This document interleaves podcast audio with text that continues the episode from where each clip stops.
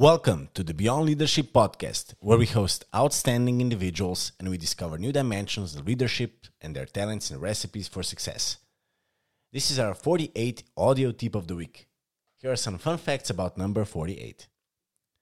Did you know that 48 is the atomic number of cadmium? In the United States of America, there are 48 states excluding Hawaii and Alaska. That means that we have 50 states altogether and in 48 days, there are 1,152 hours. Can you imagine what you can accomplish in 48 days? Change a habit, lose a pound or two, maybe even more? Today's tip of the week is based on the article The Art of Asking Great Questions, written by Bezo, published in May 2022 in Harvard Business Review. Now, while listening is an essential skill for anyone in the workplace, the art of asking questions is equally, if not more, important. Smartly framed inquiries will help you clarify your work tasks, deliver better results, and mitigate unforeseen risks. In addition, by asking, we'll learn more about hidden opportunities, get to know people, and connect on a deeper level.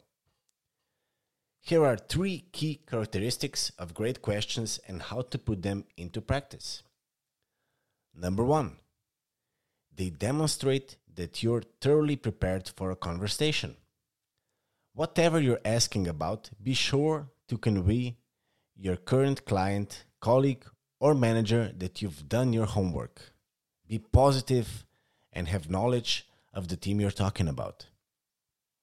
Number two, they illustrate the expertise you bring to the table without showing it off.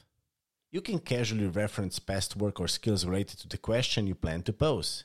You might say, From my past experience doing A, B, and C, I have learned A, B, and Z. Now it makes me wonder. And number three, they invite others to challenge their existing beliefs. If your question simply reinforces what your conversation partner already knows or thinks, it's not worth their time. Instead, Ask questions that introduce potential new solutions and ideas and help uncover new opportunities for you and your client or colleagues.